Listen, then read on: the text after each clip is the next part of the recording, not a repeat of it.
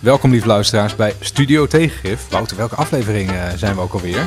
Randy, we zijn aflevering 97. Nog drie te gaan, dan zijn we er.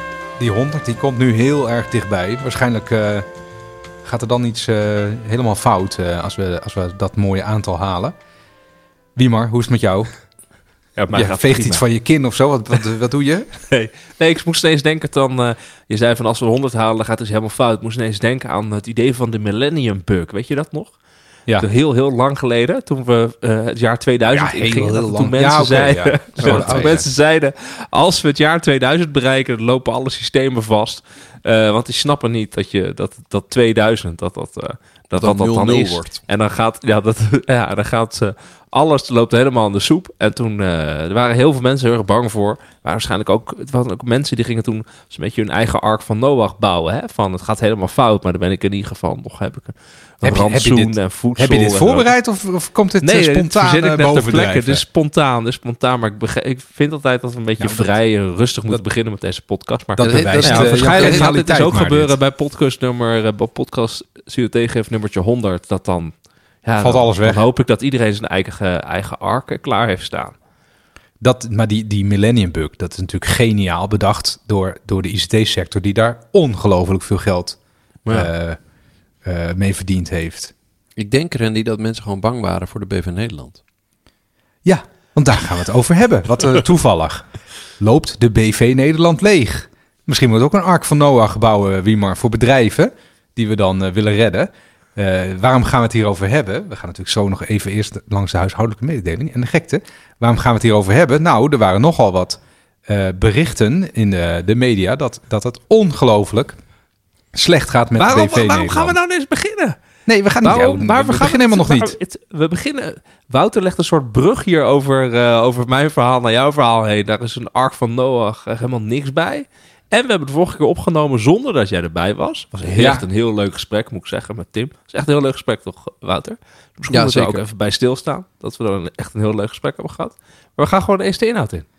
Ja, nee, we gaan nog niet in. We- we- Ik weet niet wat je wil nu. Wil je naar de huishoudelijke mededeling? Of wat, wat, wat wil je van me? Nee, nee, ik zit gewoon een beetje te... Sorry, ik ben een beetje eh, opstandig. Ja, uh, we ontregelen, dat is het.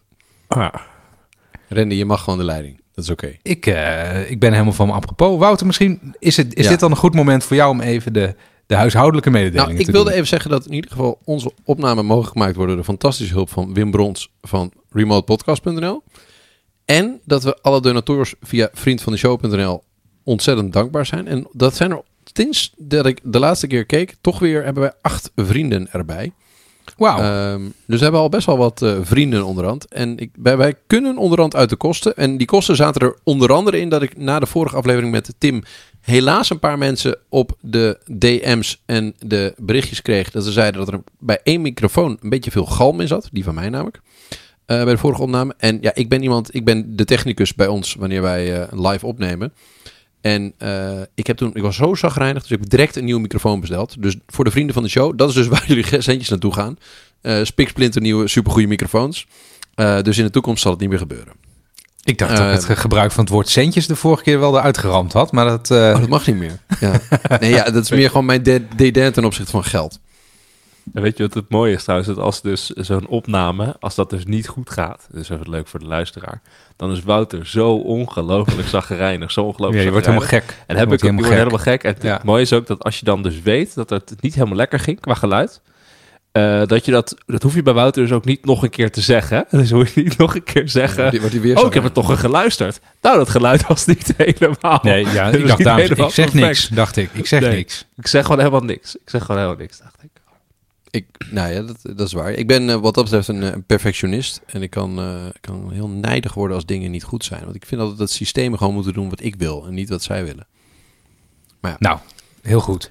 Hey, Gekte. misschien kunnen we jou wat opvrolijken met de gekte, Wouter. We hebben eigenlijk niet gezegd wie, dat, wie, wie de eer ten dele valt om dat dan te mogen introduceren nu. Wil jij dat anders doen, om jou even op te vrolijken? Ja, nou, wat we aan alles merken is dat er verkiezingen aan zitten te komen, maar dat niemand precies mee- meer weet eh, eh, waarover precies.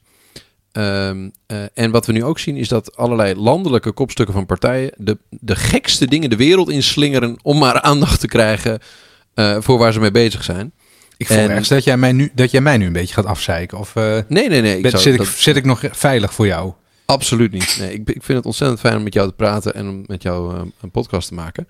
Eh, maar ik kom zo wel toe eigenlijk, hoe Randy Martens met dit alles te maken heeft. Eh, maar ik vond, ik vond een paar prachtige voorbeelden deze week. Bijvoorbeeld dat Caroline van der Plas noemde dat zij serieus beweerde dat visserij noodzakelijk is om onze zee te redden. Dat vond ik een prachtige uitspraak.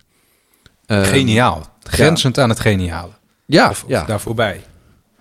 Ehm, en een tweede die ik ook ontzettend mooi vond, is dat, dat onze eh, eh, zeer gewaardeerde Joost Eermans, die beweerde met droge ogen dat Rotterdam 80% sociale huurbewoningen eh, bevat of heeft. Ehm, en wat ik zo interessant vind aan die dingen is, je weet dat het verkiezingstijd is als mensen dingen beweren die controleerbaar onjuist zijn. Dan, dan, dan moet er ergens een punt gemaakt worden. En eh, het is duidelijk die tijd dat je, de, de, je kunt de, je NOS.nl of nu.nl appje niet openen. Of je ziet een politicus met dan dubbele punt, de naam van een politicus, dubbele punt en dan een quote die, die, waarbij duidelijk de- leest van dat er een, een media Totale onzin. Ja. deskundige zijn best heeft gedaan. Want wij moeten daar bovenaan staan. Wij moeten op teletext of nos.nl. We willen, we willen, de quote moet het halen. En dan gaan ze dus de gekste dingen roepen. En eh, ik vraag me dan af of we daar dan met z'n allen niet een klein stukje dommer van worden. Eh, omdat we gewoon allemaal dingen in ons hoofd geramd krijgen die niet waar zijn. En die je twee minuten Wikipedia kosten om te verifiëren dat het niet waar is. Nou, Eh, weet je waar ik altijd aan, heel serieus aan twijfel? Of zo'n zo'n quote als visserij is noodzakelijk om de zee gezond eh, te houden. Ja, dat is zulke evidente onzin. Dat ziet een kind. Hè? Dat, dat, alsof, alsof zee heel ongezond waren voordat mensen massaal gingen vissen. Het slaat gewoon van A tot Z helemaal nergens op.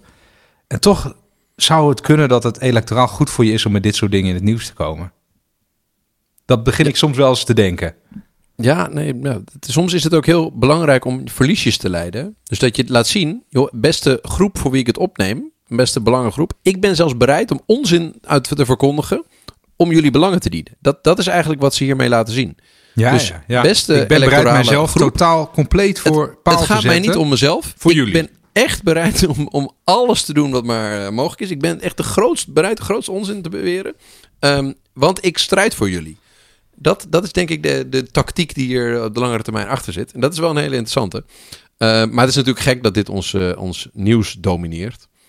Ehm, en en deed mij, ik wilde eigenlijk het brug, bruggetje proberen te maken naar dat, dat we niet moeten vergeten dat volgende week de provinciale statenverkiezingen zijn. Dat iedereen dus allereerst moet gaan stemmen. Want als, als wij iets laten hangen, dan laat het dat zijn.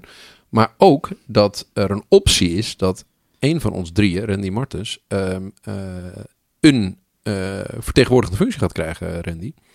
Eh, Ja. Jij zou wel eens in de Eerste Kamer kunnen gaan komen. Ja, dat, dat zou kunnen, inderdaad.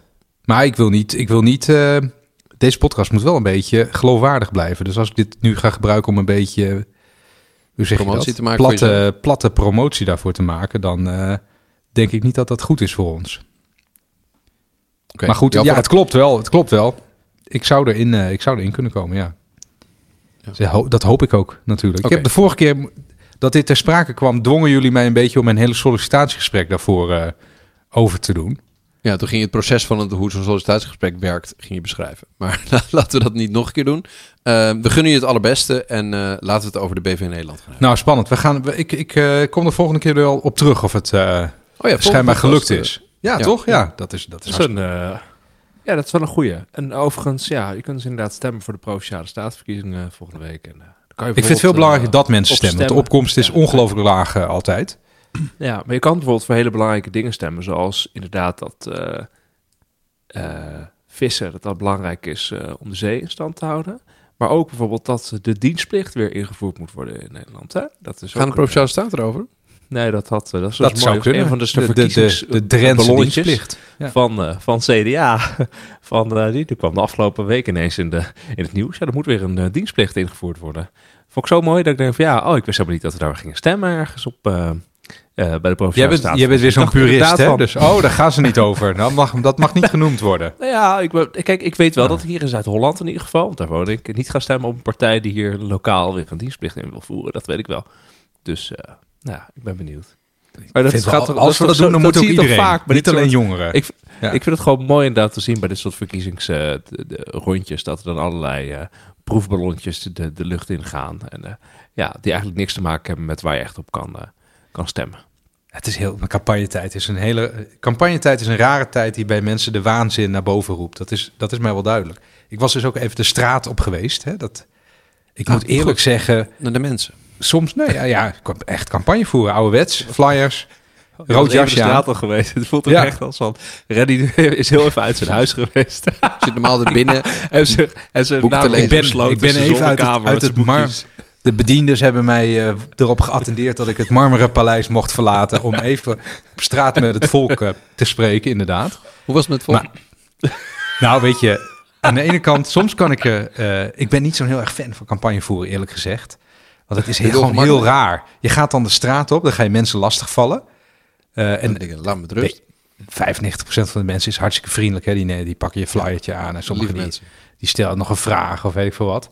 Maar je hebt ook een paar, dat zijn echt tom- complete eikels. En die zie je ook, die zien, ik ga dat niet, eh, eh, hoe zeg je dat? Alle mensen over één kam scheren. Maar dat zijn een bepaald type, het is een bepaald type oudere man. En dat zie je gewoon al van ver. Ze hebben ook vaak een snor. Ze zijn vaak juist wel netjes gekleed. Het is heel apart. Het is één bepaald type. Eh, en die probeer je, dan, je probeer je dan altijd een beetje af te zeiken.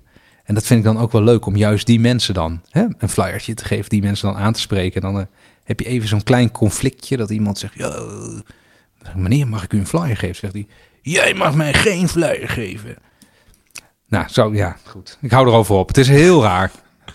Ik vind het heel goed dat je het doet. Ik vind het sowieso, het maakt niet uit Nou, voor welke Het zegt ook wel wat dat jij dan een... Zeg wat dat jij dan een neiging krijgt om juist die mensen een flyer te gaan geven. Een beetje te pesten. Ja. Ja. Had jij dat niet, Wiemar? Je hebt je toch ook altijd wel eens nooit campagne gevoerd, Ik heb maar. nooit het idee, ik heb nooit het idee gehad, weet je wat, ik ga mensen die absoluut geen zin hebben in een flyer daar heel zaggerijnig over worden, die een flyer geven. Ik weet niet waarom Reddy dat wel denkt. ik is heb gewoon het gevoel beetje- nooit gehad. Ik heb ook wel eens het een beetje ik spannend altijd met to- totaal geradicaliseerde eh, eh, rechtsextremisten ging ik dan in debat. Ik het gewoon fascinerend vond waarom ze zo dachten. En dan was ik helemaal vergeten waarom ik ook daar stond. Dit is, dit is toch ook een vorm van zelfkastijding, inderdaad. Dus Wouter en ik die doen toch hetzelfde. hey, laten we we gewoon het even lekker over het vestigingsklimaat hebben. Ja, sorry dat ik net al eh, er helemaal op inging. Ik was ook ontzettend, eh, hoe zeg je dat, getriggerd door dit hele, door dit hele onderwerp. Oké, hoe, hoe, hoe kwamen we hierbij? Ehm, ik weet niet precies of dat nou de aanleiding was, maar het kwam op een aantal momenten terug. Dus het kabinet heeft een belangrijke katshuissessie gehouden met de grote bedrijven over het verslechterende vestigingsklimaat. Eh, VNO-NCW heeft een, een, een brandbrief geschreven waarin we Nederland vergelijken met de, eh, ik vond dat heel ver, heel ver gezocht trouwens, met de Venetiaanse Republiek die na elf eeuwen voorspoed ten onder ging. Ik hou daar wel van, hè? Dat soort, dat soort vergelijkingen. Ik weet niet of het een kant of een wal eh, raakte verder. Eh, maar in ieder geval, Nederland, het, eh, het Nederlandse vestigingsklimaat was in een eh, vrije val. Dus ik dacht, ja, daar moeten, we het, daar moeten we het even over hebben. Klopt dat? waarom zou dat nou zo zijn? Klopt dat wel?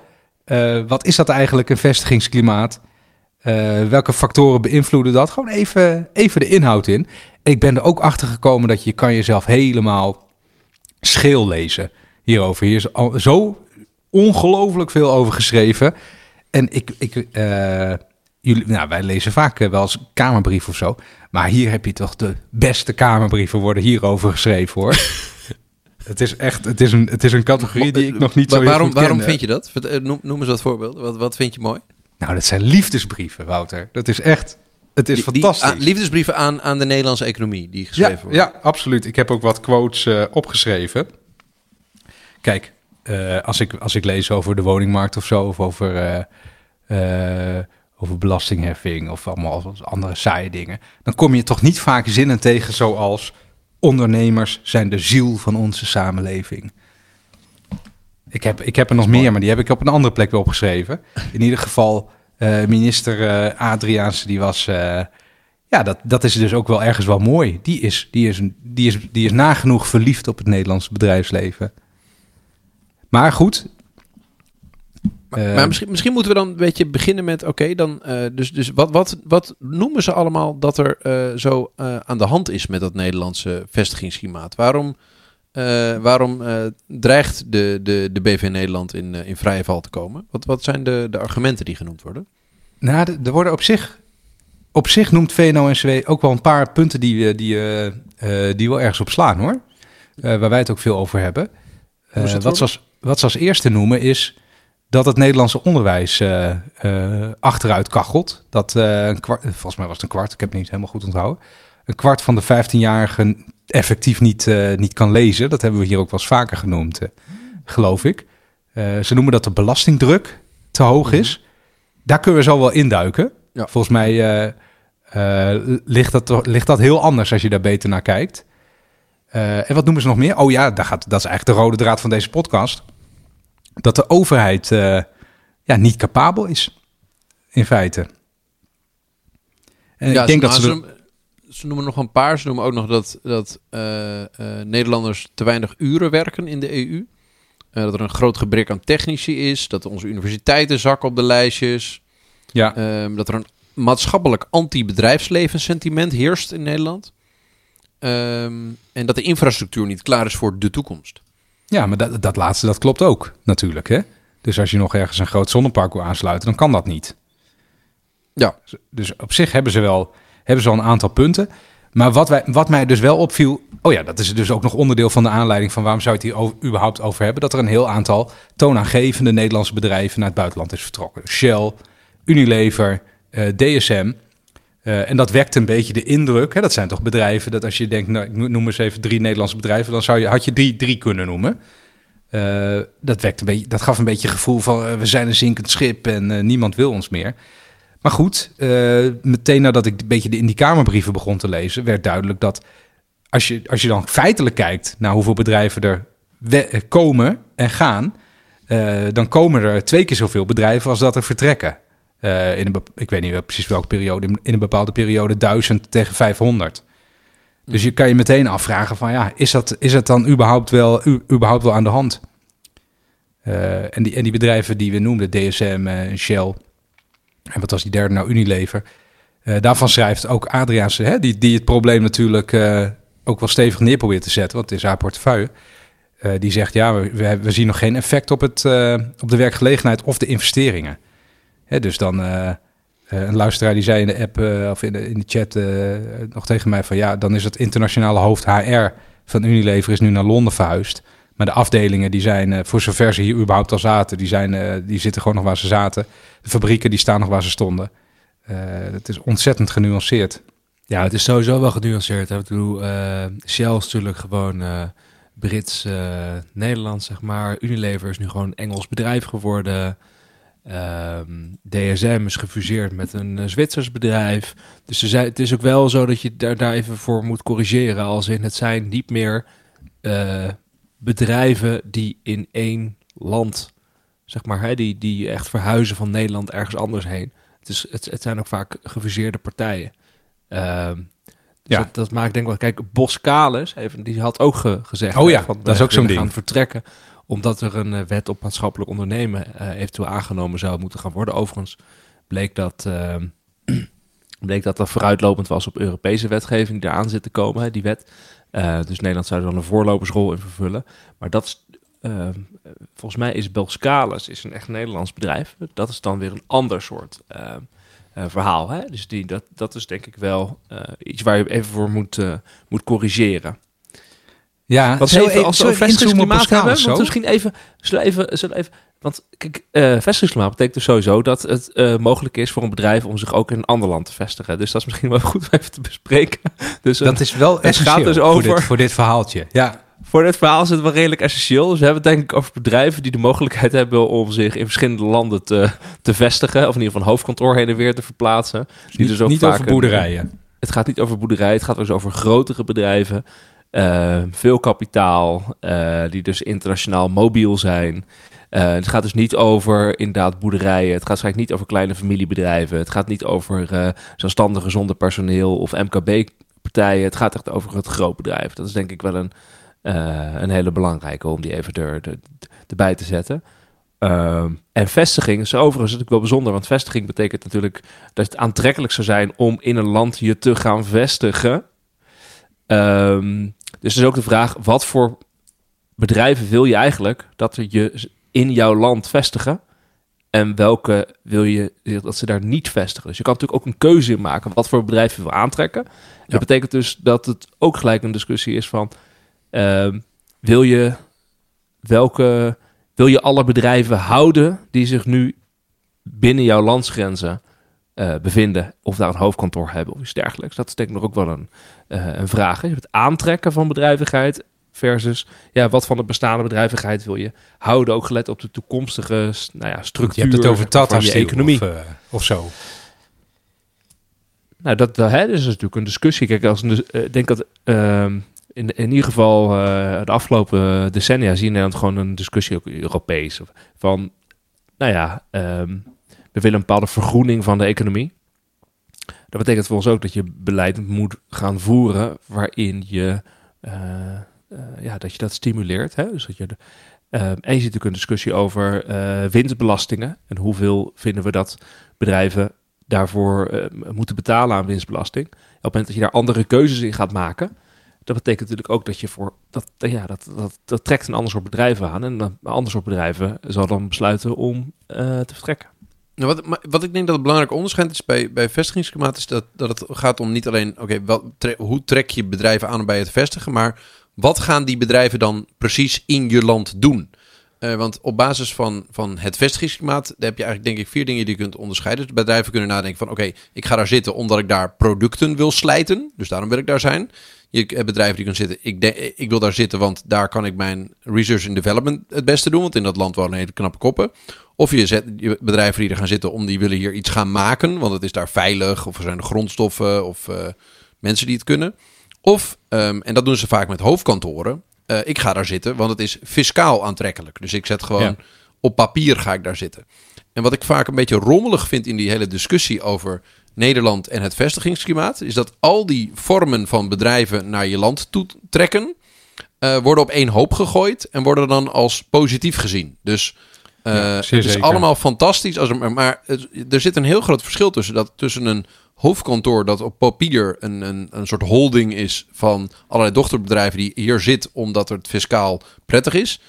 En dat is heel wat anders dan een bedrijf dat in Nederland komt om iets te gaan produceren. Of dat eh, bepaald onderzoek hier gaat doen omdat er hier de beste infrastructuur daarvoor is. Of dat eh, producten in Nederland wil gaan verkopen. Er zit een heel groot verschil tussen. En vaak vind ik dat een beetje rus, rommelig gesprek worden.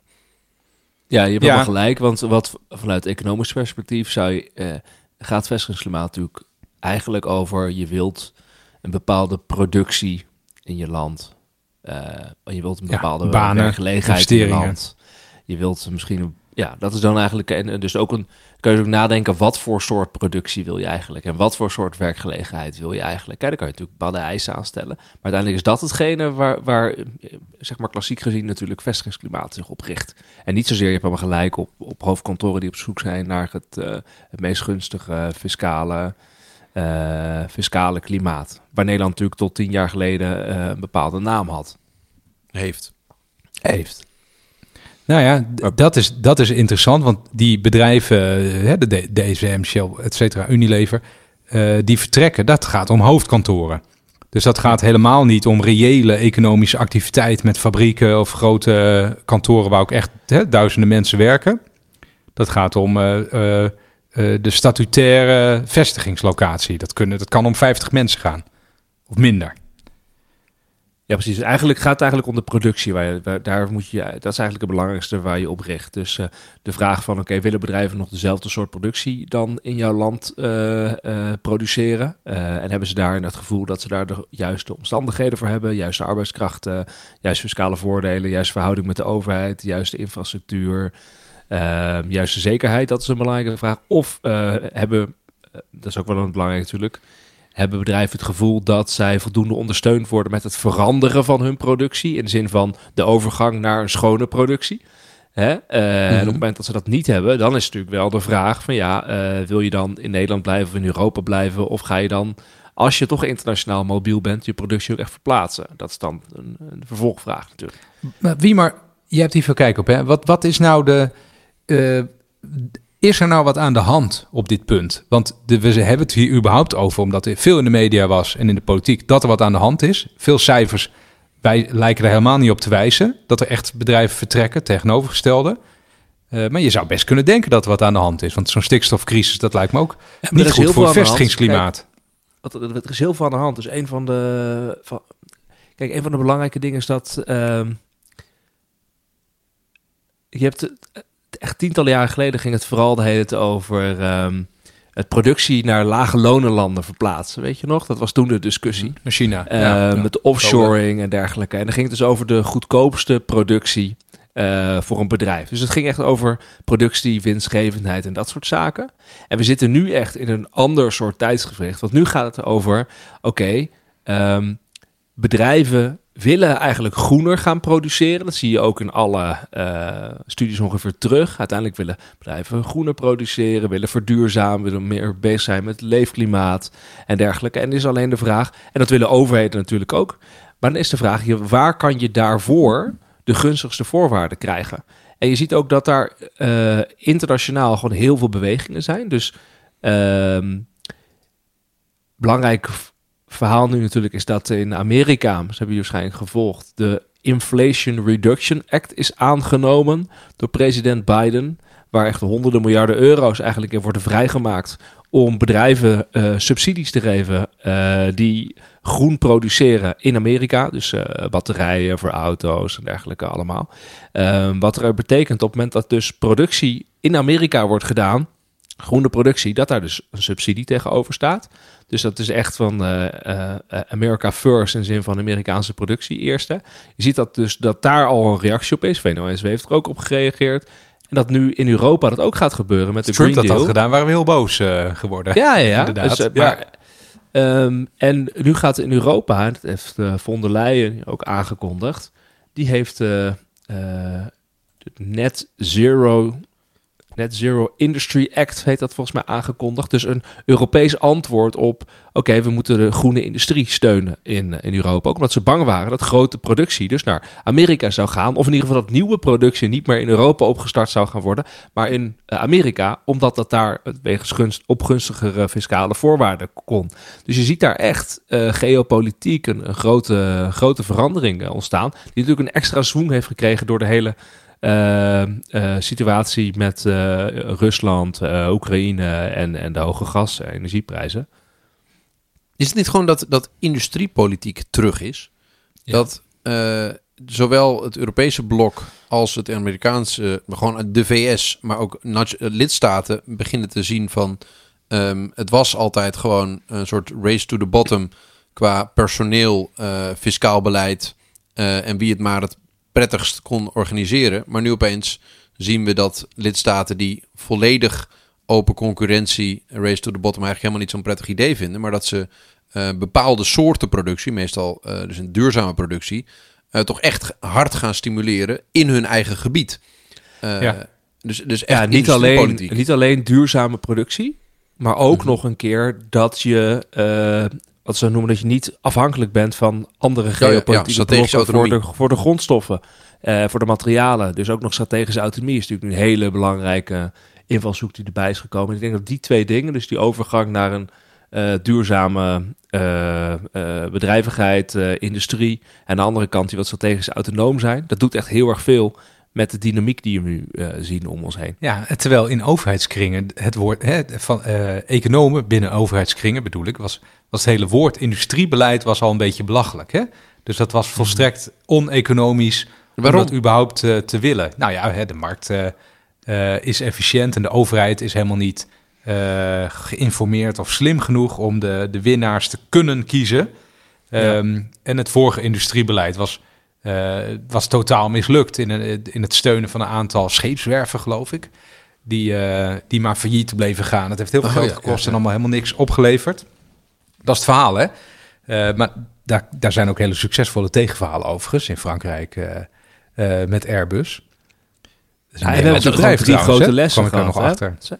Er zijn gewoon drie hele grote lessen geweest de afgelopen jaren. Namelijk corona, waardoor ineens bleek dat de internationale waardeketens... dat die, eh, dat die gewoon gingen niet meer zo zeker waren als vroeger. Vroeger dacht je gewoon door die vrijhandel, internationale ketens... kon je gewoon zo efficiënt mogelijk je product of je diensten krijgen. Nou ja, door corona ging niet iedereen natuurlijk wat meer protectionistisch doen. Of, of het lag gewoon stil. Dus toen is natuurlijk wel een realisatie gekomen, hey, je moet eigenlijk op je eigen grondgebied meer gaan nadenken over productie en veiligstellen van waardeketens. Tweede punt is natuurlijk nu gewoon de, de hoge gasprijzen, energieprijzen en de, de, de hele Rusland-Oekraïne-oorlog. En als derde, we zien gewoon dat eh, China heel actief speelt in dit spel. En dat China gewoon, als het gaat om kritische grondstoffen, echt heel veel eh, mijnen en dergelijke bezit. Eh, die voor ons heel erg noodzakelijk zijn, die, die, die grondstoffen en die materialen, als we de energietransitie willen maken. Eh zijn gewoon, eh, ja, dus, dus dat betekent dat je vervolgens echt wel gaat nadenken over je vestigingsklimaat en je industriepolitiek en alles wat erbij komt kijken.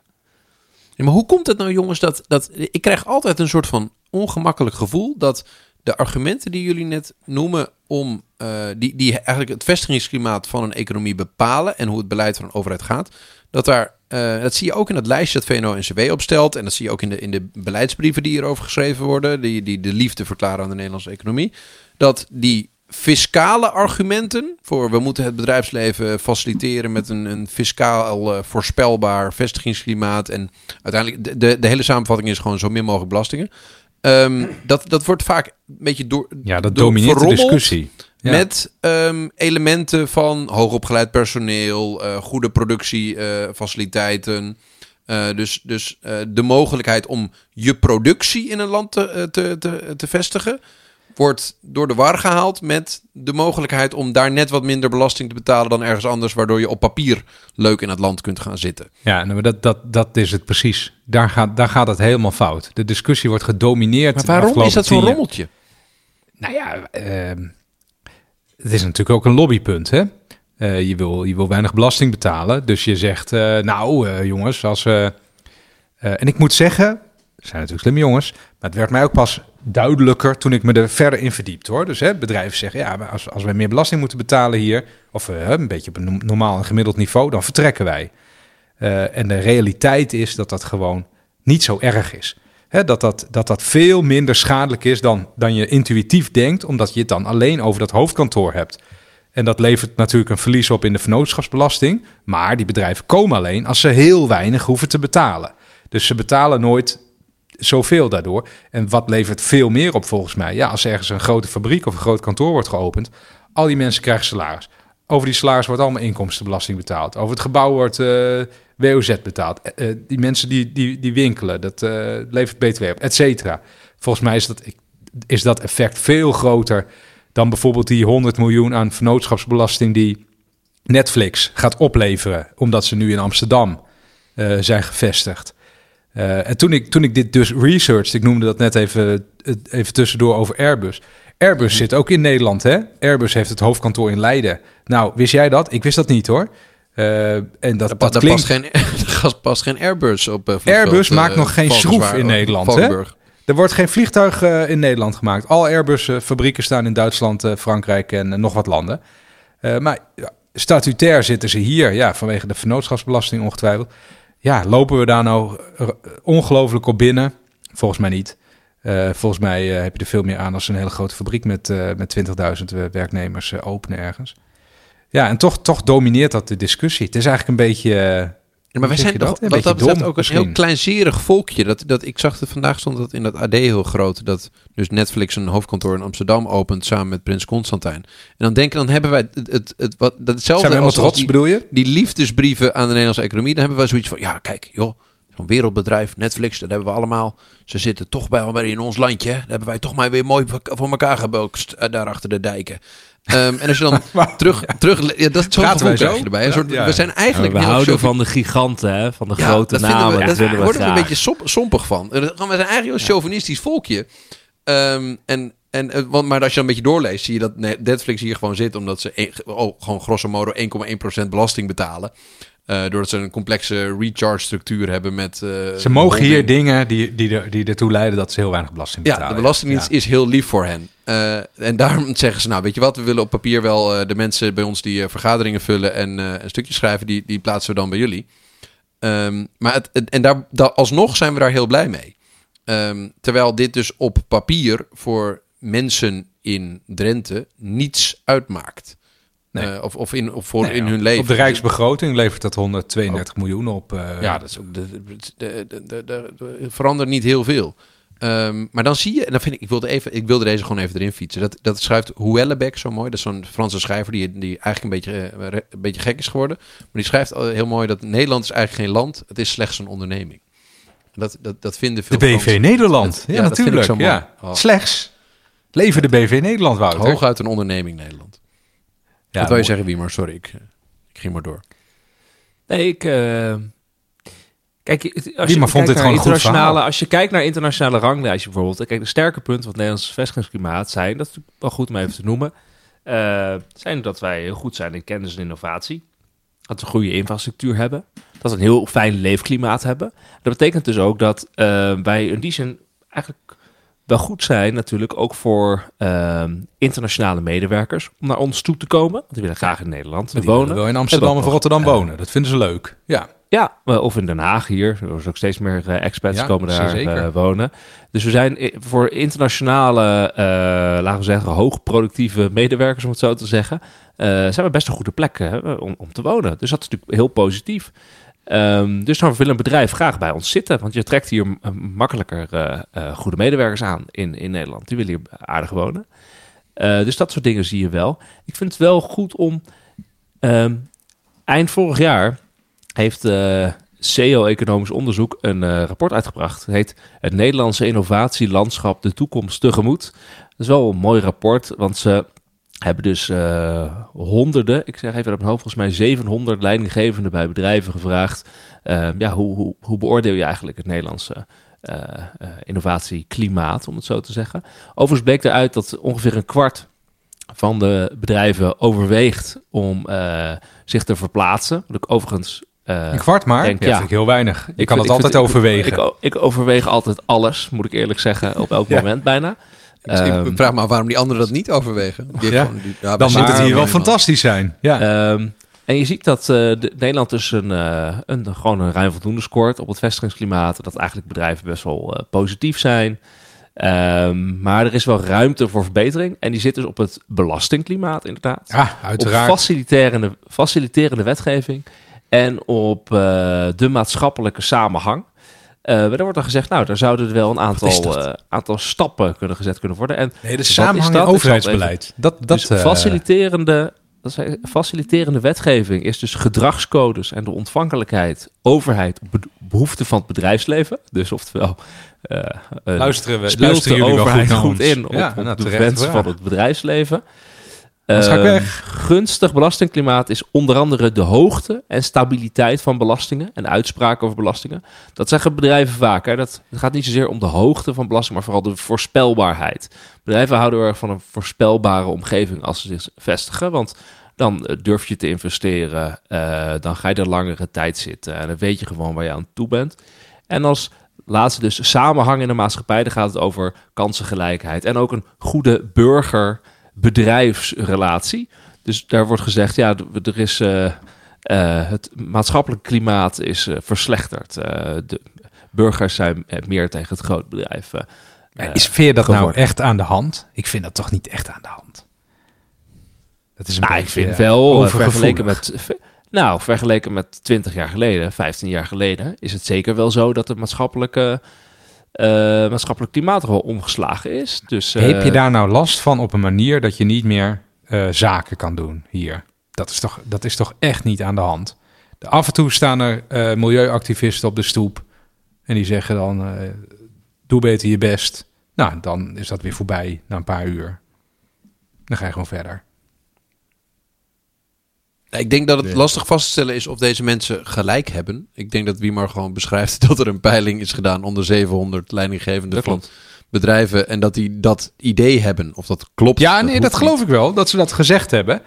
Eh, maar ik herken toch wel ook veel lobbypunten terug in eh, Ja, bij al dit eh, soort wat dingen er over je- gezegd wordt. Ja, die mensen zijn niet voor niks aan de top van zo'n bedrijf gekomen. Die, die hebben een beetje strategisch inzicht in hun, in hun donder.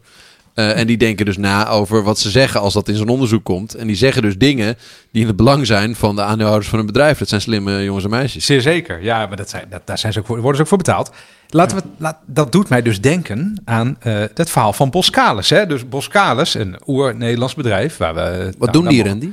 Daar mogen we best een beetje trots op zijn. Die doen baggeren en zo. Hebben die ook niet dat, dat palmboomeiland in Dubai aangelegd? Ja, hè? Dat soort dingen. Hele coole projecten. Echt een mooi bedrijf.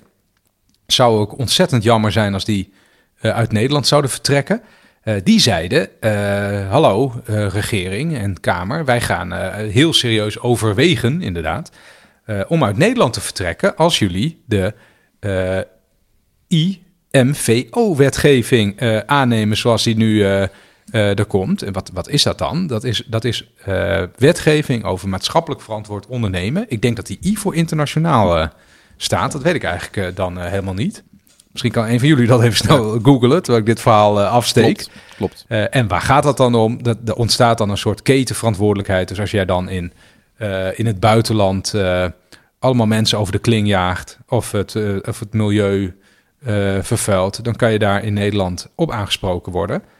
En Boskalis die zei, ja, maar dan gaan wij, dan gaan wij misschien wel weg, want wij kunnen dat niet garanderen. Of eh, impliciet zeg je dan ook van, misschien eh, eh, doen wij dat wel, hè? in Ja, het gaat, het gaat ook onder andere over, eh, ehm, eh, laten we zeggen, de democratische rechtsstaat en het, on- en het ondersteunen van corrupte en mensenrechten niet respecterende regimes. En Ja. daar, laten we ik volg gewoon wat ik, wat ik in de media erover lees. Er zijn inderdaad wel ehm, berichten over dat het voor sommige bedrijven lastig is om zaken te doen in bepaalde landen. Af en toe, Eh, af en toe zonder- moet je iets doen wat in Nederland niet kan. Ja, ik, Ja, snap exact. dat, ik snap dat ook nog wel. Ehm, zonder dat goed te praten, snap ik dat ook nog wel. Maar goed, ik dacht, nou, daar ga ik eens even induiken. Eh, Oké, die wetgeving dus. Dat is niet hier bedacht in Nederland. Dat is bedacht in eh, Europa. Dus, dus een Europese richtlijn. En volgens mij vinden onze luisteraars het altijd leuk als we een beetje inzicht geven in hoe dat dan, hoe dat dan gaat binnen de overheid. Dan heb je dus zo'n richtlijn en dan eh, wordt er in Nederland wordt er dan een BNC-fiche over geschreven door ambtenaren.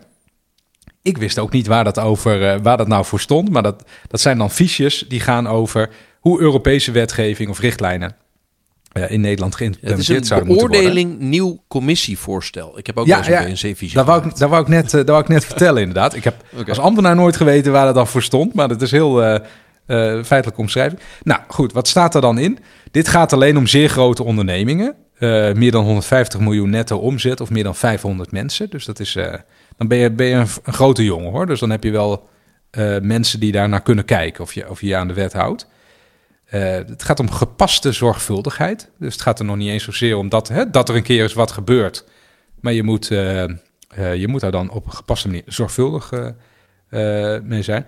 Het gaat bijvoorbeeld voor financiële ondernemingen ook alleen om nieuwe contracten. Dus je kan niet, je kan niet gepakt worden op iets wat misschien ergens, ergens gebeurt voor jou. Jullie horen al, ik vond het een beetje, toen ik er beter naar keek, vond ik het, het ook een beetje onzin eigenlijk.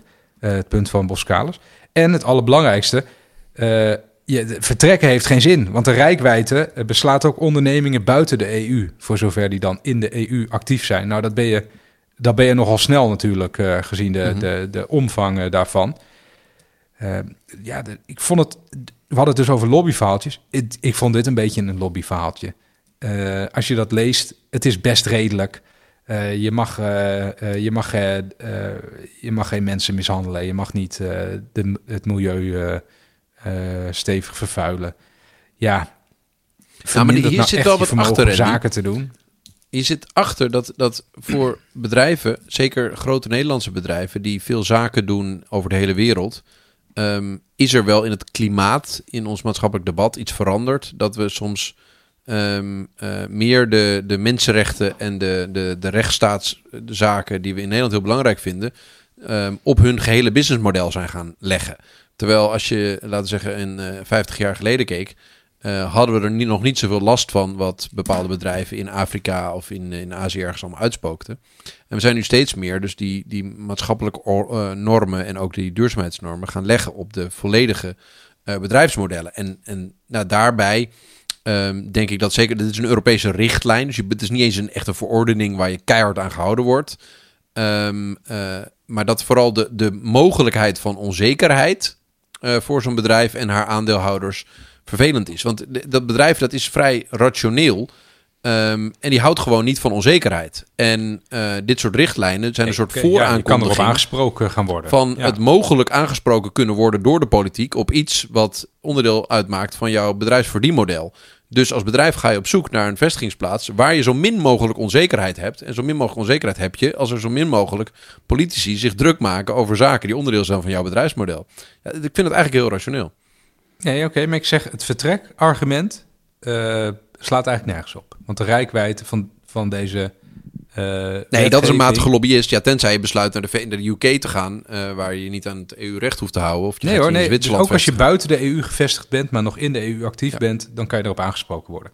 Dus tenzij Boskalis de hele Europese Unie wil verlaten om in- zich in Somalië te vestigen en alleen daar actief te zijn, Lekker met dan, eh, kan je het zijn. ja, dan kan je het omzeilen. Ja, maar ik denk dat dit dus in de categorie valt, wat ook die, die CEO's die, die voor het onderzoek dat Wiemer net noemde gesproken zijn.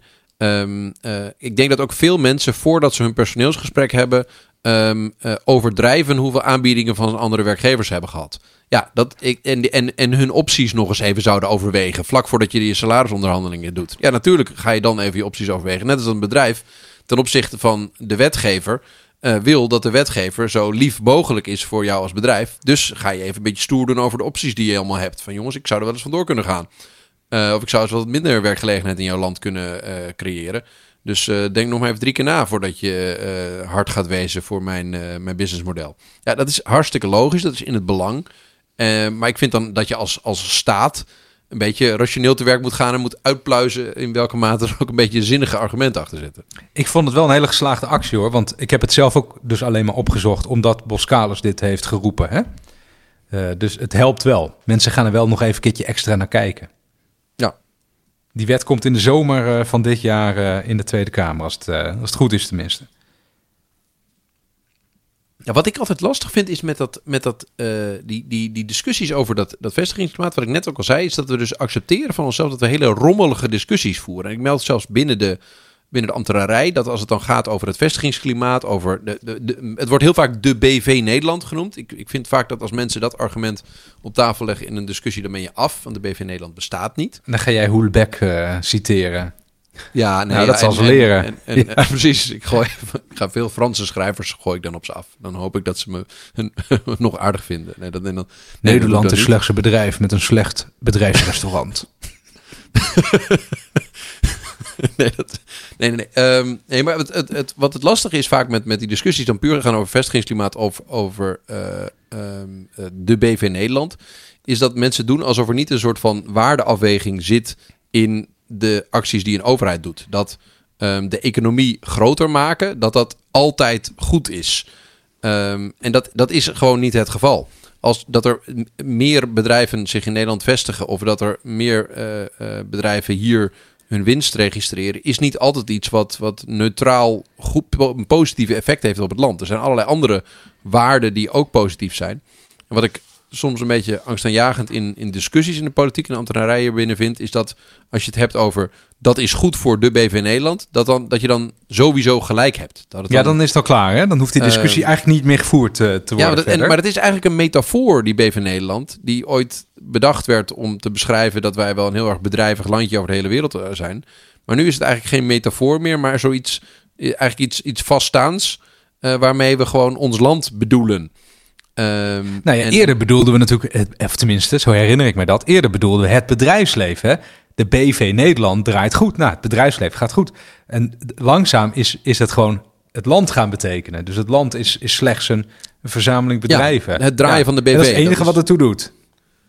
Ja, en dat is angstaanjagend. Want dan Ah, ga je daar ook zie je wel een verandering, toch? Daar zie je wel duidelijk Ja, godzijdank.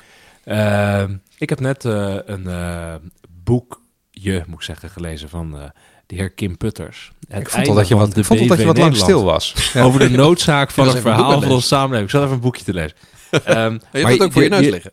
Maar nee, het ligt hier op mijn bureau. Maar de- de- daar, wat hij heeft natuurlijk daar wel een bepaalde tijdsgeest te pakken. Je ziet natuurlijk ook bij bedrijfsleven. Ik bedoel, we weten ook dat de Unilever heeft natuurlijk heel lang ook allerlei eh, eh, eh, ver- verhalen over gehouden. Je ziet gewoon in het bedrijfsleven dat er een hele grote verandering ook aan het ontstaan is. Naar toch wel meer purpose-driven. Eh, er moet toch wel eh, de verduurzaming van de productie wordt belangrijk. Het leefklimaat wordt belangrijk. Je ziet er ook echt wel een grote verandering ontstaan. Ook bij die bedrijven en ook daar intern. Alleen omdat, en daar had het volgens mij net ook over, omdat overal ter wereld bijna, in ieder geval in de westerse landen, we naar een schonere productie toe willen, duurzamere productie toe willen, zie je gewoon dat er nu daarop behoorlijk fors geconcurreerd kan worden. Dus, hè, dus ehm, eh, bedrijven die heel innovatief zijn op bijvoorbeeld het eh, ver- verschonen van hun productie, eh, digitale processen, ehm, die kunnen natuurlijk op, op meerdere, in meerdere landen of in meerdere blokken eh, terecht. En daar ook inderdaad fiscale kortingen en dergelijke krijgen als ze zich daar eh, gaan vestigen. Dat, dat is natuurlijk nu wel aan de hand. En je ziet gewoon dat het Amerikaanse eh, blok is nu met het Europese blok aan het, aan het concurreren. Hè? Dat is natuurlijk wel echt nieuw. Maar Ehm, zijn dat niet een beetje dat de twee blokken? Wat zei je? Zijn dat niet ook een beetje de twee blokken?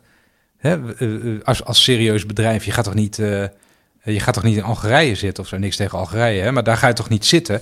Of in Rusland of in India, daar ga je, daar ga je niet heen. Nee, ik denk dat je daar ge- gelijk in hebt. Al zeggen natuurlijk genoeg mensen, genoeg, eh, mensen, genoeg eh, partijen zeggen ja, op het moment dat eh, in Amerika en in de EU de wetgeving te, te zwaar wordt, dan ga ik misschien toch nog naar een ander blok toe. Dat, dat zou Ja, of naar kunnen. China, dan, loopt, dan wordt je bedrijf wel misschien geconfiskeerd eh, over een paar jaar. Dat, Ja, dus daar zit, daar Ja. zit ook een bepaalde onzekerheid in. Dat, eh, dat klopt. Ehm, maar dat, ik denk dat dus wel, we zitten wel op een soort bijzonder punt nu met elkaar. Hè? Ik bedoel van, we gaan eh, oude, oude, zeg maar, eh, oude infrastructuur gebaseerd op gas, eh, gebaseerd op olie. Daarvan zeggen we eigenlijk dat moeten we gaan veranderen. En dat betekent dus dat er ook gewoon een, een discussie gaat ontstaan voor bedrijven. hey, waar eh, kan ik de beste voorwaarden krijgen om over te stappen naar die nieuwe infrastructuur, naar een duur- duurzame productie? Welke overheid zorgt daar het best voor? Wie legt die infrastructuur dan voor me aan als dat een publieke taak is? Welke fiscale voordelen kan ik krijgen op het moment dat ik hierin investeer, of dat ik innovatief ben? En Ja. die- dat wordt natuurlijk wel, er is nu echt wel niet alleen een, eh, een internationale eh, competitie aan de gang tussen bedrijven simpelweg op fiscaal de minste winstbelasting betalen, maar ook op bedrijven die heel innovatief zijn, of de meest innovatieve bedrijven, om naar een duurzame en digitale productie te gaan. Omdat een duurzame productie is nu gewoon internationaal de vraag dat we naartoe willen. En bedrijven het zelf ook. En digitale productie is ook nu gewoon heel belangrijk, omdat de, de, je ziet gewoon dat het aantal arbeidskrachten aan het afnemen is. De beroepsbevolking is aan het verminderen, ook door de vergrijzing, in zowel in ieder geval in Europa. in China. Dus eh, in China ja. ook. Dus, de, dus eh, ja, als je daar ook eh, innovatief kan zijn, dan, dan ja, dat willen natuurlijk de, de grote blokken die bedrijven ook hebben. om hun productie op lange termijn hoog te houden. Dus er is daar wel echt iets aan de hand. En ja, dus het is wel, wel meer dan even, joh, het gaat alleen maar om geld. Of joh, het gaat alleen maar om productie. Of er is, het is echt wel meer. Ik werd op iets heel erg interessants eh, gewezen, wat, wat hier eh, over gaat, uh, Wiemar. Eh, door een luisteraar die, die fiscalist is. En, en die- je hebt dus inderdaad het Amerikaanse Inflation Reduction Act. En dat pakt op in combinatie met zogenaamde Pillar 2 fiscale wetgeving. Dat is wereldwijd, maar Amerika doet daar niet aan mee. Kun je uitleggen wat het is? en ja, dat, is, dat, dat leek me al noodzakelijk. Eh, en dat gaat over een bodem leggen in de vennootschapsbelasting. Hè? Dus het gaat veel te vaak over die vennootschapsbelasting. Maar hier is hij dan wel even belangrijk. Namelijk, er wordt een bodem ingelegd van 15% en eh, Wouter, als jouw landje dan bijvoorbeeld 10% eh, eh, vraagt eh, aan multinationals... en daarom gaan ze daar zitten... dan kunnen eh eh, Wiemars landje en mijn landje... die kunnen dan eh, extra vennootschapsbelasting heffen op eh, die multinational. Hè? Dus eh, nou ja, lang verhaal kort. Zo werkt het dan ongeveer.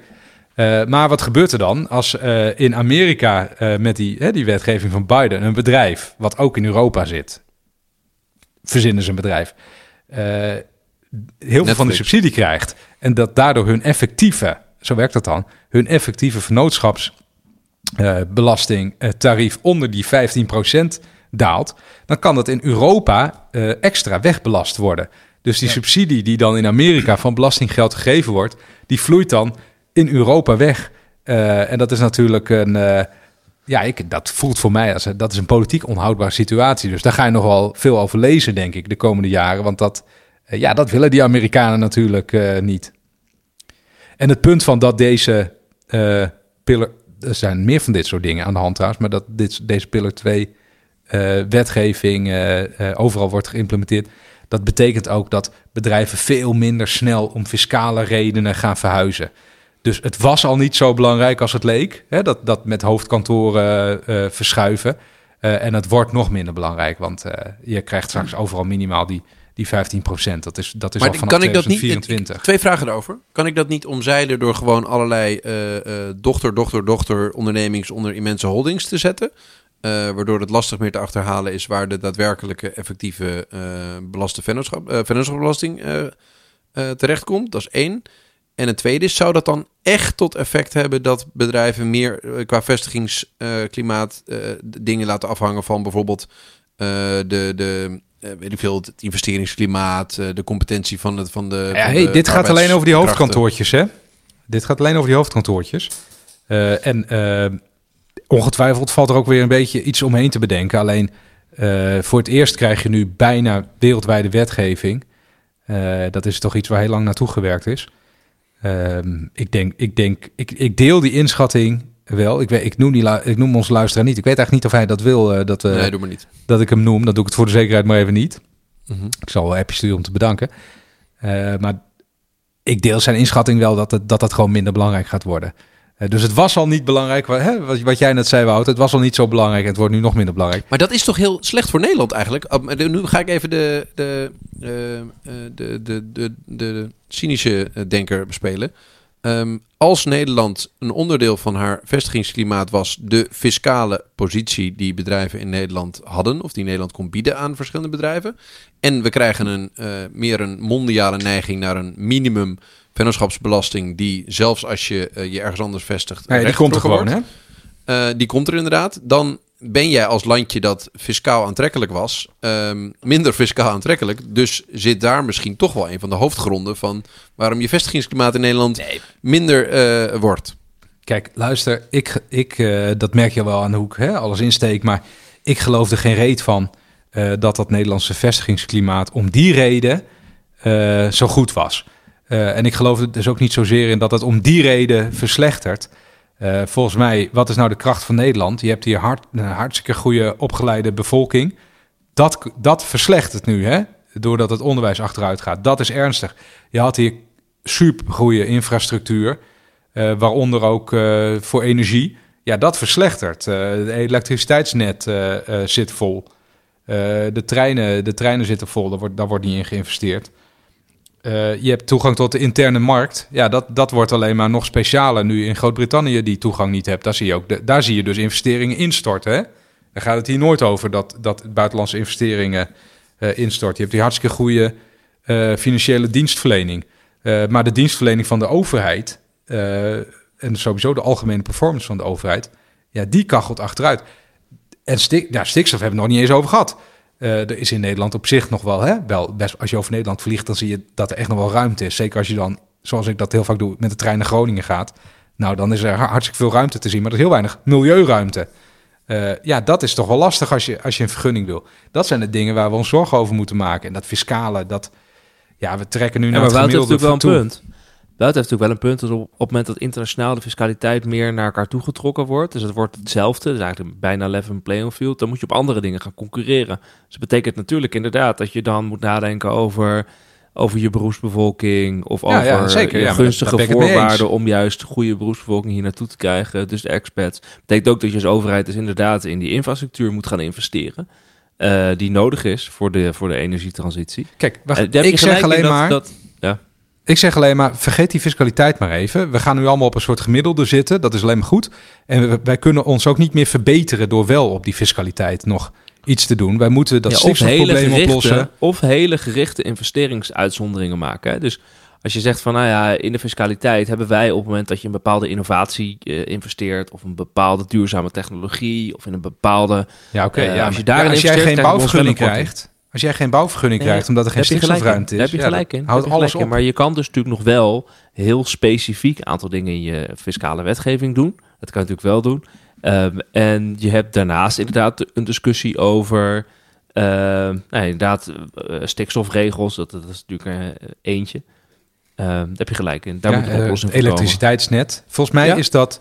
kijk, ik ben het wel met je eens, maar volgens mij is dat elektriciteitsnet en die, en die stikstofruimte. En straks krijg je daar nog de Die waterkwaliteit zijn heel, bij. heel belangrijk. Ja, die zijn veel. Zeker, zeker. Ja, die zijn echt Ja. veel belangrijker in mijn, voor Ja, mijn gevoel. Helemaal gelijk in. Want die blokkeren. Hè? Als je een keer een subsidie niet krijgt, dat blokkeert op zich nog niet je ontwikkeling. Maar als je gewoon letterlijk niet mag bouwen, ja, dan. Nee, als je dan, niet mag eh, bouwen en er is geen infrastructuur, dan heb je gewoon transitiefalen. Dus dan Ja, kan je dan niet, je- kan geen klaar. transitie maken, want je hebt, de hele, je hebt de hele ondersteuning er niet voor. En daar heeft de overheid gewoon een rol in te, te vervullen om dat goed eh, te doen. Dus daar heb je helemaal gelijk in. Dat klopt. Dat klopt. Maar dan, dan kom je eigenlijk ook weer uit bij dat een heel belangrijke factor in je vestigingsklimaat is een voorspelbare, simpele overheid die, eh, waar, waar je goed zaken mee kunt doen. Die het gewoon doet. Ja, Eh, Ja, maar de, die- op, zelf vindt, op zichzelf blijkt uit alle onderzoek dat de Nederlandse overheid best wel voorspelbaar is hoor. Dat ook wordt gezien door de Nederlandse overheid, door de Nederlandse bedrijven. Dat de, de Nederlandse overheid wordt, wordt ook best voorspelbaar gezien. En ook de hele diensten, toelevering in Nederland gewoon die we hebben. Het financiële sector die jij, eh, financiële dienstverlening die je noemde, en die is ook allemaal goed. Het gaat vooral over dat de, het in Nederland gewoon te lang duurt. Dus de overheid is best wel voorspelbaar, maar duurt te lang. Dus bijvoorbeeld Ja. vergunningverleningen Acht jaar, om, jaar, eh, ja. om te gaan bouwen duurt best wel lang. Eh, Een infrastructuurnet wat gewoon hartstikke vol zit. Ehm, dat is de, de grootste kritiek. Stikstof inderdaad, wat de vertraging is. Ehm, dus ja, da- daar moet op een of andere manier een paar versnellingen in eh, zien aan te brengen. Zeker omdat nu iedereen wil. Hè? Iedereen, die, de bedrijfsleven wil wil, dat, gewoon ja. eh, veranderen. Dus op het moment dat dan de, de vertraging gaat komen van de overheid, ja, wordt het wel lastig. Ja, jij neemt dat de hele tijd als een soort van werkelijkheid. Van dat iedereen wil, dat de bedrijven willen heel graag veranderen. Maar ik, telkens als ze dan weer beginnen over die minimale fiscale regelingetjes. Of, of eh, van die idiote ehm, eh, fiscale uitzonderingsregeltjes. Dan denk ik, nee, ho ho. Je wil helemaal niet echt daadwerkelijk je productie eh, eh, eh, verhogen. Of, of eh, innovatieve industrie naar Nederland brengen. Je wil gewoon tijdelijke fiscale uitzonderingsregeltjes voor jezelf. eh, waarmee je aandeelhouders een, een heel kortstondig eh, winstje kunt eh, beloven. Je wilt niet daadwerkelijk iets voor de economie. Ja, Ehm, ik vind dus dat ook, ik vind dat ook een beetje een, ik begin dat een beetje een domme, lo- domme lobby te vinden. Want die fiscale omgeving in Nederland, die, die, is, die is gewoon prima voor bedrijven. Hè, die worden echt niet. Ja. ja, die worden echt niet uitgemelkt hier. Die betalen een effectief tarief wat lager ligt dan het, dan het gemiddelde in de EU. Ondanks dat het feitelijke VPB-tarief ietsje, ietsje hoger ligt. Nou, allemaal wel, wel overkomelijk. Ik zou me heel erg druk gaan maken over dat we die overheid met elkaar moeten repareren. Dat we dat stikstofprobleem moeten oplossen. En dat we dat elektriciteitsnet moeten, moeten fixen. Dat is, dat is gewoon allemaal veel belangrijker. En je kan, het, je kan het, als je de aandacht vestigt op het ene, ja, dan kan je het niet vestigen op het andere. Zo werkt het nou eenmaal. En je krijgt gewoon een heel groot onderscheid tussen bedrijven. Hè? Dus de, de bedrijven die nu eh, van oudsher gewoon relatief vervuilend zijn, heel gasintensief, eh, chemische sector, die, ehm, dat is gewoon lastig om dat soort bedrijven met heel veel technologie en heel veel lock-in en eh, bestaande infrastructuur, om die helemaal om te bouwen. Dat zal gewoon tijd gaan kosten. En die bedrijven, die gaan natuurlijk vragen, hey, geef ons even wat meer ruimte, wat meer tijd. En dat is echt een ander soort verhaal wat je daarvan hoort. Dan natuurlijk de bedrijven die echt nieuw zijn. De, Ja, tuurlijk, ja. de, de, de nieuwkomers op de markt die nieuwe producten en diensten aanbieden. Eh, dat, dat is echt wel een verschil. Dus je krijgt maar de, de gevestigde belangen versus de nieuwe uitdagers. Dat, wordt, dat is wel een, een grote discussie die je gaat krijgen eh, de komende jaren. Nou ja, je je ziet ook hoe omgaan. iedereen in zijn maag zit met Tata Steel. Hè? Ja. Dus die hebben. Die hebben heel lang weinig geïnvesteerd. Tenminste, dat is ik in de krant dan. Hè? Dat, heb ik niet helemaal uitgezocht. Eh, die hebben heel, heel lang weinig geïnvesteerd in verduurzaming van een, nou ja, toch een super vervuilend eh, proces. Ja, misschien is dat een beetje inherent aan staalproductie. Dat zit daar een beetje naast, eh, naast, naast Haarlem ongeveer. Mensen hebben significant veel meer kanker daar in de omgeving en allerlei van dat soort dingen. Ja, wat doe je daarmee? Maar die geef je gewoon su- gesubsidieerde energie. Dat was het Nederlandse beleid altijd. En, eh en eh Ja, maar- gratis, loca- gratis locatie. Past dat nog in Nederland? Hè? Nederland is een soort stadstaat, in, in Holland in ieder geval. Dan heb je daar een, een, een gigantisch vervuilende fabriek. eh, die, niet, die kan niet 1, 2, 3 eh, verduurzaamd worden. Ja, eh, ga je daarin investeren als overheid. Maar de, de worsteling zit hem in dat we, we koesteren die maakindustrie die we nog hebben. Ehm, en daar zit ook een soort van, dat chauvinisme komt dan ook weer terug. Van ja, we hebben al geen mijnen meer. En we hebben al geen, er zijn allerlei grote productieprocessen zijn al weg uit dit land. Ehm een, aan- dit is ontzettend zichtbaar. Gewoon, er wordt echt in- iets gemaakt. Er zijn immense fabrieken die je langs de hele kustlijn kan zien. Eh, en, en de mensen die, die de industrie en de economische positie van Nederland heel belangrijk vinden, die voelen daar gewoon iets bij van als dat ook weggaat, wat kunnen we dan nog wel maken? Dan is het hek van de dam. Ja, ja, ja, ik snap het wel hoor. Het is een emotioneel ding. Ja, dat is het. Die, de, de rationele toch gewoon dat daar- niet toe. Daar worden natuurlijk wel behoorlijke stappen gezet. Hè. Je ziet nu natuurlijk dat het ministerie van Economische Zaken wil allerlei eh, maatwerkafspraken met de industrie gaan afsluiten over verduurzaming en vergroening. En dan natuurlijk eh, vaak gecombineerd met aan de andere kant eh, bepaalde subsidies. Ja. Om dus te kunnen investeren in technologische verandering, in duurzame productie. En dat, dat is een model wat je de komende jaren denk ik heel veel gaat krijgen. Dat die, die bestaande bedrijven, die bestaande maakindustrie, bestaan, die gaat ja, met dit soort regelingen eh, de productie proberen te veranderen. En als het niet snel genoeg gaat, zou je na een tijdje krijgen dat er ook gewoon, dat er gewoon Europese wetgeving is. Of, eh, of dat er een eh, bepaalde wetgeving komt die dwingend is. Dus bepaalde normering of wetgeving die dwingend is. Maar dan gecombineerd met toch wel een, een subsidieondersteuning om die bedrijven te helpen. Dat gaat volgens mij echt, grote, echt een hele grote vlucht nemen de komende paar jaar. Ik denk dat het ook wel terecht is. Hè? Want bij dit soort Ja, supergrote spelers eh, kan, je, kan je niet zeggen van nou gaat u maar achteraan het eh, loket en we, hè, we, zien wel even wat we met u doen. Eh, dat, daar zijn zulke grote, dat gaat om zulke grote getallen. En ook de vraag van wil je dan staalproductie hebben in dit deel van Europa? Of vinden we dat niet zo belangrijk en kan dat wel naar India? Maar als we dan een keer ruzie krijgen met India, dan hebben we geen staal meer. Dat, dat heeft de situatie met Rusland ons natuurlijk ook wel weer geleerd. Ja, dan hebben we over strategische autonomie. Ja, klopt. Mooi woordje. Verzonnen door Macron, las ik. hey, weet je wat mij ook opviel? Even een ander puntje nog. ik, heb me, ik heb me dus helemaal... eh, ik, ik heb mijn hoofd helemaal overvol gelezen hierover. Dat, dat helpt helemaal niet trouwens. Want dan, als, je, dan- als, als jullie dan zeggen, waar wil je het over hebben? Dan kom je er bijna niet uit. Eh, Alles. Maar goed, alles. Ik wil het over alles tegelijk hebben. Maar ik, ik heb er zoveel gelezen. En één ding eh, viel mij op een gegeven moment op. Wie zijn er dan niet belangrijk voor het vestigingsklimaat? Nou, er is één groep die in al die honderden pagina's die ik Oh ja, doorgeworsteld ben hiervoor. Eh, ja, jij voelt hem al aankomen. Worden nul keer Niet- genoemd. niet ik denk niet hoogopgeleide eh technici uit Delft. Nee, dat klopt helemaal. Eh, die, zijn, dat, oh, die zijn wel belangrijk. hoor. eh, nee, ja, die zijn dus belangrijk inderdaad. Wie er, zijn- wie er dus totaal onbelangrijk zijn voor het vestigingsklimaat, dat zijn lager opgeleiden. Die zijn eh, die- op een of andere manier worden die niet gezien in dit hele verhaal. Eh, die doen er allemaal totaal niet toe. Er wordt echt van alles genoemd. Ja, Amsterdam is een mooie stad en je kan er lekker fietsen. en alles, doet, hè? alles is van belang. Eh, maar weet ik veel hoeveel eh, miljoenen laag opgeleid, die spelen blijkbaar geen rol van betekenis hiervoor. En dat, is echt, dat klopt natuurlijk niet, hè? Want nergens indirect kun je ze wel weer de inredene- hè, be- beredeneren dat ze toch genoemd zijn. Want laag opgeleid betekent niet, dat is natuurlijk een beetje een shitwoord sowieso al. Maar dat betekent natuurlijk niet dat je, niet, dat je geen opleiding hebt of zo. Hè? Dus mensen zijn praktisch opgeleid vaak. En die heb je nodig eh, voor je bedrijven.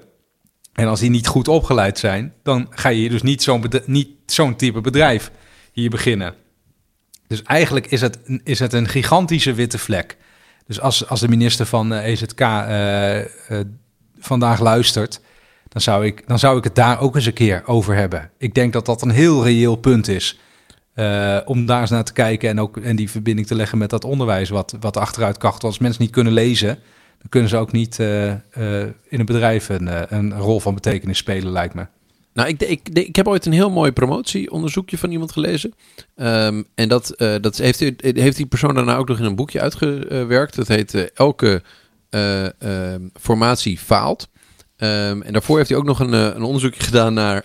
Dit is Wiemars boekje, mensen. naar- ja, voor wie dat, die dat nog niet door En had. Ik, ik denk dat het wel te, te verklaren valt wat je beschrijft. Is dat het is nu campagnetijd. En ehm, je ziet altijd dat belangen van bedrijven in verkiezingscampagnes veel minder terugkomen, maar in formaties en de, de, de dingen die daarna besloten worden veel meer terugkomen. Ja, dat ja, komt simpelweg doordat bedrijven niet stemmen. Nee. Ehm, Dus die kan je dan en- een beetje afzeiken tijdens verkiezingstijd. Ja, je kunt Want dus die gaan toch niet stemmen? Ja, je kunt het, dat waar dus ook VNO-NCW over klaagt. Dus dat ehm, in Nederland een, eh, wat is het, anti-bedrijfsleven sentiment heerst. Dat wordt nu nog eventjes aangesterkt in de, deze maanden, omdat de verkiezingen, zoals we aan het begin noemden, eh, eraan zitten te komen. Ehm, maar als de verkiezingen geweest zijn, gaat dat gewoon eh, weer afnemen. En gaan we gewoon serieus weer werken aan het Nederlands vestigingsklimaat. Maar nu is het zo. Kijk, die lager opgeleiden die, die nergens in je onderzoeken genoemd worden, die stemmen wel allemaal. Ehm, en een gedeelte daarvan, ja, die, die, die, willen, die willen gewoon een baan. Ehm, en dus dat is even belangrijk. En minder eh, het, eh, het luisteren naar die lobby, denk ik. Zou je dat kunnen verklaren volgens dat promotieonderzoek van die eh, jongen, Wiemer? Uh, dat promotieonderzoek ging vooral over de fiscaliteit van, van het bedrijfsleven. Dus de, de fiscale lasten van het bedrijfsleven. Dat daar inderdaad een verschil zat tussen wat er werd beloofd voor verkiezingen versus wat er na verkiezingen werd gedaan. Nou ja, dat heb je gemeten. Dat kan, kan breder zijn natuurlijk. Dat heb ik gemeten, ja. Maar ehm, ik denk zelf dat, er dat er nog... We vergeten trouwens nog even iets. Kijk, ehm, als je het hebt over die... eh, die eh, het vestigingsklimaat en de bedrijven die eh, transities eh, willen maken... kan je natuurlijk het hebben over arbeidskracht, je kan het hebben over fiscaliteit, noem het dan maar op. Maar ook gewoon hebben over eh, inderdaad wetgeving die eh, juist belemmert of die juist stimuleert. Eh, dus dan kan je het over, inderdaad over vergunningverlening hebben en dergelijke. Hoe snel je dat allemaal doet. Administratieve lasten, dat soort zaken allemaal. En ik begin wel het gevoel te krijgen van... kan je niet ook concurreren met slimme wetgeving? Dus innovatieve wetgeving, waardoor bedrijven wel in het ene land willen zitten... en niet in het andere land. Want daar hoor je zo weinig over. Het gaat altijd over geld... Maar je kan natuurlijk over, fiscale kortingen. Maar je kan natuurlijk ook wetgeving maken waardoor, eh, waardoor bijvoorbeeld een bepaalde open standaard maakt. Waardoor het makkelijker wordt om eh, een bepaalde productie te veranderen. Of, de, ik, ik merk dat ik, dat, ik, dat ik me afvraag, wanneer gaan we het daar een keer over hebben? Ja, waar denk je? Want als jij zegt wetgeving, dan denk ik in eerste plaats kwalitatief goede wetgeving. Daar schort het natuurlijk ook wel Ja, aan. ik denk kwalitatief goede wetgeving. In de zin van eh, dat het dus een, geen onzekerheid biedt en dergelijke. Hè, dat het- niet de hele dat je- tijd bij de dat rechter, dat eh, neergezabeld dat wordt. Bij de, bij de rechter ja, dat het stand houdt en dergelijke. Want dan heb je het vooral ook over eigendomsrechten en zo. Dat is natuurlijk de klassieke economische invalshoek. Je moet eh, eigendomsrechten hebben die afdwingbaar zijn met een betrouwbaar juridisch systeem en dat soort zaken allemaal. ja, maar, maar dat ik heb je in de begin hele me- EU. Maar ik begin me ook af te vragen, ja, de, de, geregeld wordt bepaalde productie, wordt ook zeg maar, ehm, er wordt, een- wordt wetgeving gezet van je moet op een bepaalde manier produceren, bijvoorbeeld. Hè? En ik van ja, zou je dat niet kunnen veranderen, waardoor innovatieve bedrijven de ruimte krijgen op, op een andere manier te produceren, maar dan schoener, eh, schoner, dat je dat zeg maar niet tegenhoudt. Ehm, dus ik zit te denken van ja, kan je niet ook bepaalde wetgeving weghalen die, die belemmert ehm, en waardoor het fijn is om in een bepaald land te zitten. Ik weet dat het nu nog een beetje hoog over is. Hè, In verhaal. algemene zin kan ik dit onderschrijven, ja. Maar wat- In algemene zin kan ik het onderschrijven. Eh, ik heb het gevoel dat daar nog eh, dat daar ruimte zit. Ja, dit lijkt me zo'n gevalletje. Klinkt leuk, godschuwelijk lastig uit te voeren. Ja, Dat zeker. Dat we kunnen natuurlijk auteursrechten opheffen en dan komen er allerlei... eh eh, of Nou, waar, waar ik wel, aan moest denken, ik moet altijd denken aan, het voorbeeld, een beetje mijn sector, dat die digitale ehm, eh, economie. Ehm, dat, dat, er wordt ook daadwerkelijk wel op overheidsbeleid gecon- eh, geconcurreerd. Een mooi voorbeeld is, is waar in Estland, waar ze op een gegeven moment begonnen zijn met dat e-residency-programma, dat mensen digitaal in Estland konden gaan wonen. Dus dat je niet daadwerkelijk burger werd, maar dat je digitale burger werd. En wat kon je daar dan mee? Dan kon je ook een bedrijf oplichten in Estland en een bankrekening openen. Ehm, en dan kon je dus een bedrijf in de EU hebben als niet-EU-burger. Eh, en dan betaalde je in Estland een heel klein beetje eh, vennootschapsbelasting. Ehm, maar dat land maakte het dus aantrekkelijk om een bedrijf daar op te richten. ehm, en burger te worden van dat land. En dan kreeg je zelfs een bepaalde rechten bij. Eh, en en wat het idee was dus dat het de zo goede overheidsdienstverlening had om eh, je te registreren als bedrijf in de EU, dat het het meest aantrekkelijk was om dat in Estland te doen. Dus het was inderdaad wel concurrentie op basis Ja, van ja, ja. aantrekkelijkheid om zaken te doen. Nou, ja, en daardoor precies. kwamen er weer bedrijven die zich daar digitaal vestigden, die zaken met elkaar gingen doen. Ehm, dus dus hadden, dat had ook een soort van ecosysteem-effect wat ze wilden creëren. Ja, tuurlijk. Ik, ik, dat doet mij denken aan wat anders. Want ik kan me herinneren dat ik een keer ergens heb gelezen dat je in Estland binnen één eh, uur of zo een rijbewijs eh, krijgt. Dus dan kan je gewoon, eh, mits je dan hè, het examen gehaald hebt bedoel ik, maar dan kan je dus naar het loket of weet ik veel wat. En dan krijg je hem eigenlijk meteen. Eh, dat redden de meeste landen niet. Dus als je dan toch iets wil doen wat je heel aantrekkelijk maakt, volgens mij die, die traagheid, eh, eh, die moet je dan aanpakken. En dat is natuurlijk niet iets wat je even oplost door het heel belangrijk te maken. Dan moet je echt, je, je, je- hoe zeg je dat? Je performance als overheid verbeteren. Dus als je, volgens mij, als je zou kunnen garanderen dat je binnen een jaar een bouwver- bouwvergunning krijgt, dan, nou, dan komen ze wel naar jou toe. Natuurlijk, als je weet dat je in Duitsland tien jaar moet wachten, maar in Nederland heb je het over een jaar, dan ga je naar Nederland. Daar zitten we ontiegelijk ver vanaf van zo'n ideaal. Maar misschien moet je het meer zoeken in dat soort eh eh, bloed, zweet en tranen projecten. Maar als je dat dan bereikt hebt, dan heb je, dan, dan heb je een voorsprong van heb ik jou daar. Echt, joh, wij, wij, het zit mij steeds dichter aan de pen om maar eens een keer een essay te schrijven over hoe een simpelere overheid eigenlijk voor ontzettend veel sectoren en eh, domeinen een, een meerwaarde zou hebben. Dus ik kan ook deze bedrijven oproepen om gewoon daar meer lobby eh, voor te voeren. In plaats van die, van die renteniers-economie met, met fiscaal net wat, wat schattigere regelingetjes en zo. Dat is, dat is allemaal Je heel... hebt, daar, je hebt er uiteindelijk geen reet aan, ook als bedrijf niet. Nee, je betaalt Nee. iets minder belasting, maar een fabriek binnen een jaar kunnen openen, dat is, dat is echt mooi. Moeten we nog luisteraarsvragen doen?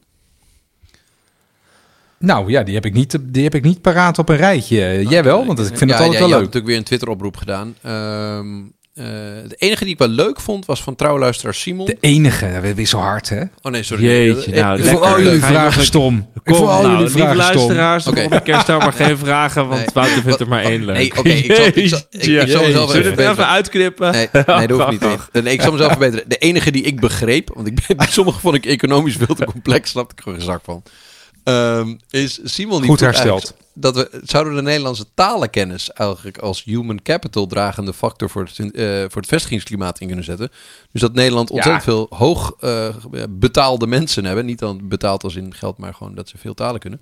Ehm, in vergelijking met, want volgens mij heeft Nederland het hoogste hoeveelheid mensen die ehm, eh, volgens mij twee plus talen spreekt van de hele EU na Zweden of Denemarken, geloof ik. En dat, ik vond het wel een interessante, maar ik, ik durf er niks eh, eh, over te zeggen, want ik heb hier geen onderzoek naar gedaan.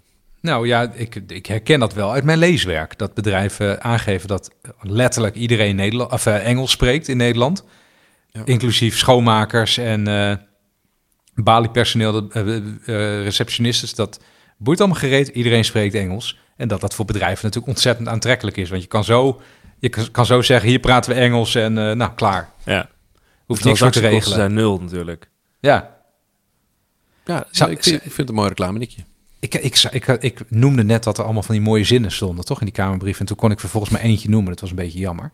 Eh, maar ik heb inmiddels heb ik er nog eentje in de app. eh, die had ik aan jullie geappt. Toen was ik al op pagina 12. Hè? En toen was die brief nog steeds zo.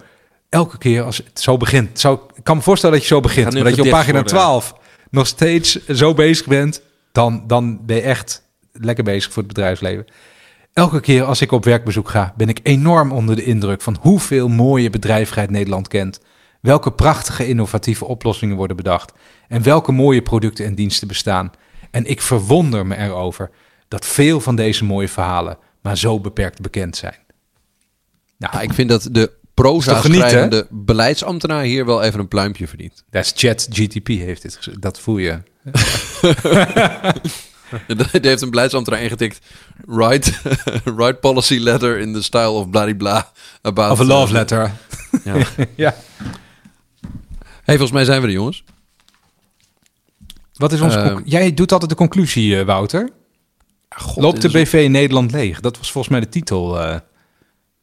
Eh, nou, ik denk dat, de, dat we vooral concluderen dat de, de BV Nederland ehm, heel bewust eh, moet gaan nadenken over wat nou precies de toekomstige BV Nederland gaat wezen. Ehm, laten we het in ieder geval niet de BV Nederland noemen, want, eh, maar gewoon het hebben over het vestigingsklimaat wat bijdraagt aan een, een gezonde economie in Nederland. En daarvoor denk ik dat de discussie vooral moet gaan over wat voor economie willen wij hebben. En ik denk dat, dat wij vooral concluderen dat je niet een economie wil hebben die op basis van eh, wat, wat simpele, banale fiscale voordeeltjes anderen de loef afsteekt. En dat we ook niet allemaal moeten gaan juichen als ergens een hoofdkantoortje gevestigd wordt. Wat voor de, de daadwerkelijke, reële economie waar productie in gedraaid wordt, echt geen bied uitmaakt. Maar dat we echt na moeten denken van wat voor economie kunnen we in Nederland nou op de langere termijn hebben. En hoe ga je zorgen dat het innovatievermogen van die economie niet geremd wordt door bestaande belangen die alleen maar op fiscale voordeeltjes gebaseerd zijn. Uh, dus ik, ik zou ons een discussie gunnen over het vestigingsklimaat, die minder vertroebeld is door bestaande belangen die kleine voordeeltjes willen, maar die echt gericht is op, op een discussie in onze maatschappij over wat voor economie willen wij nou hebben. En uh, wat zorgt ervoor dat wij uh, um, ja, een, een, mooie werkgelegenheid en economie met elkaar kunnen hebben met, met, met competente arbeidsbevolking die mooi werk kan doen. Oh, dat klinkt bijna als een verkiezingspraatje. Ja, ik vind het echt fantastisch klinken. Ik vind het een van je beste conclusies ooit, uh, Wouter. Ik ook, ik ook. Ik ook. Ik vergeet wel trouwens dat uh, we ook hebben gezegd dat uh, er dan een goede infrastructuur bij geregeld moet worden door de overheid. Of in ieder geval... met treinen die rijden, stopcontacten waar stroom uitkomt. Ja, dat er wel natuurlijk gerichte subsidies of fiscale kortingen heel belangrijk zijn. Maar dat je vooral moet denken over de, de, de Volgens mij werd het laatst ergens doelgerichte groei genoemd. Dus wat voor groei uh, wil je eigenlijk? Dat, ja, dat zijn natuurlijk wel zaken die erbij komen. We hebben het ja, gehad over wetgeving. En vooral dus die vergunningsverlening die simpel beleid moet. Ja, het simpel. Niet te veel maatwerk. Ja, oké, als je Tata bent, krijg je maatwerk, maar niet als je. Nee, niet allemaal kleine, van die kleine achterlijke wezen, die WBSO, stomme subsidies op, op waar honderden van zijn. Dat, het enige wat je daarmee stimuleert is een industrie in subsidieadvies. En dat is niet goed voor je reële economie. Dat snapt iedere econoom. Uh, maar ik zal niet daar nog een rant over houden. Ik denk dat het wel. Uh, boven, wel je bent lekker op stoom, Wouter, vandaag. Echt, uh, ik vind dit echt een leuk onderwerp. Ik kan dit is de dit, dit, zo ben jij de beste jij die jij kan zijn. Uh, je moest dus weten. Hey, we moeten even uh, uh, onze luisteraars bedanken voor het luisteren. Ik uh, zal nooit meer iets niet waarderend zeggen over de vragen die gesteld worden. Want wij waarderen het ontzettend als mensen vragen stellen. Wij waarderen het ook ontzettend als u feedback geeft over de kwaliteit van deze podcast. Wij waarderen het ook ontzettend als u luistert en een review van minimaal 5 sterren achterlaat. En wij danken Wim Brons van remotepodcast.nl voor de ondersteuning. En volgende week niet, maar binnenkort weer een fantastische aflevering. Toeledoki. Toeledoki.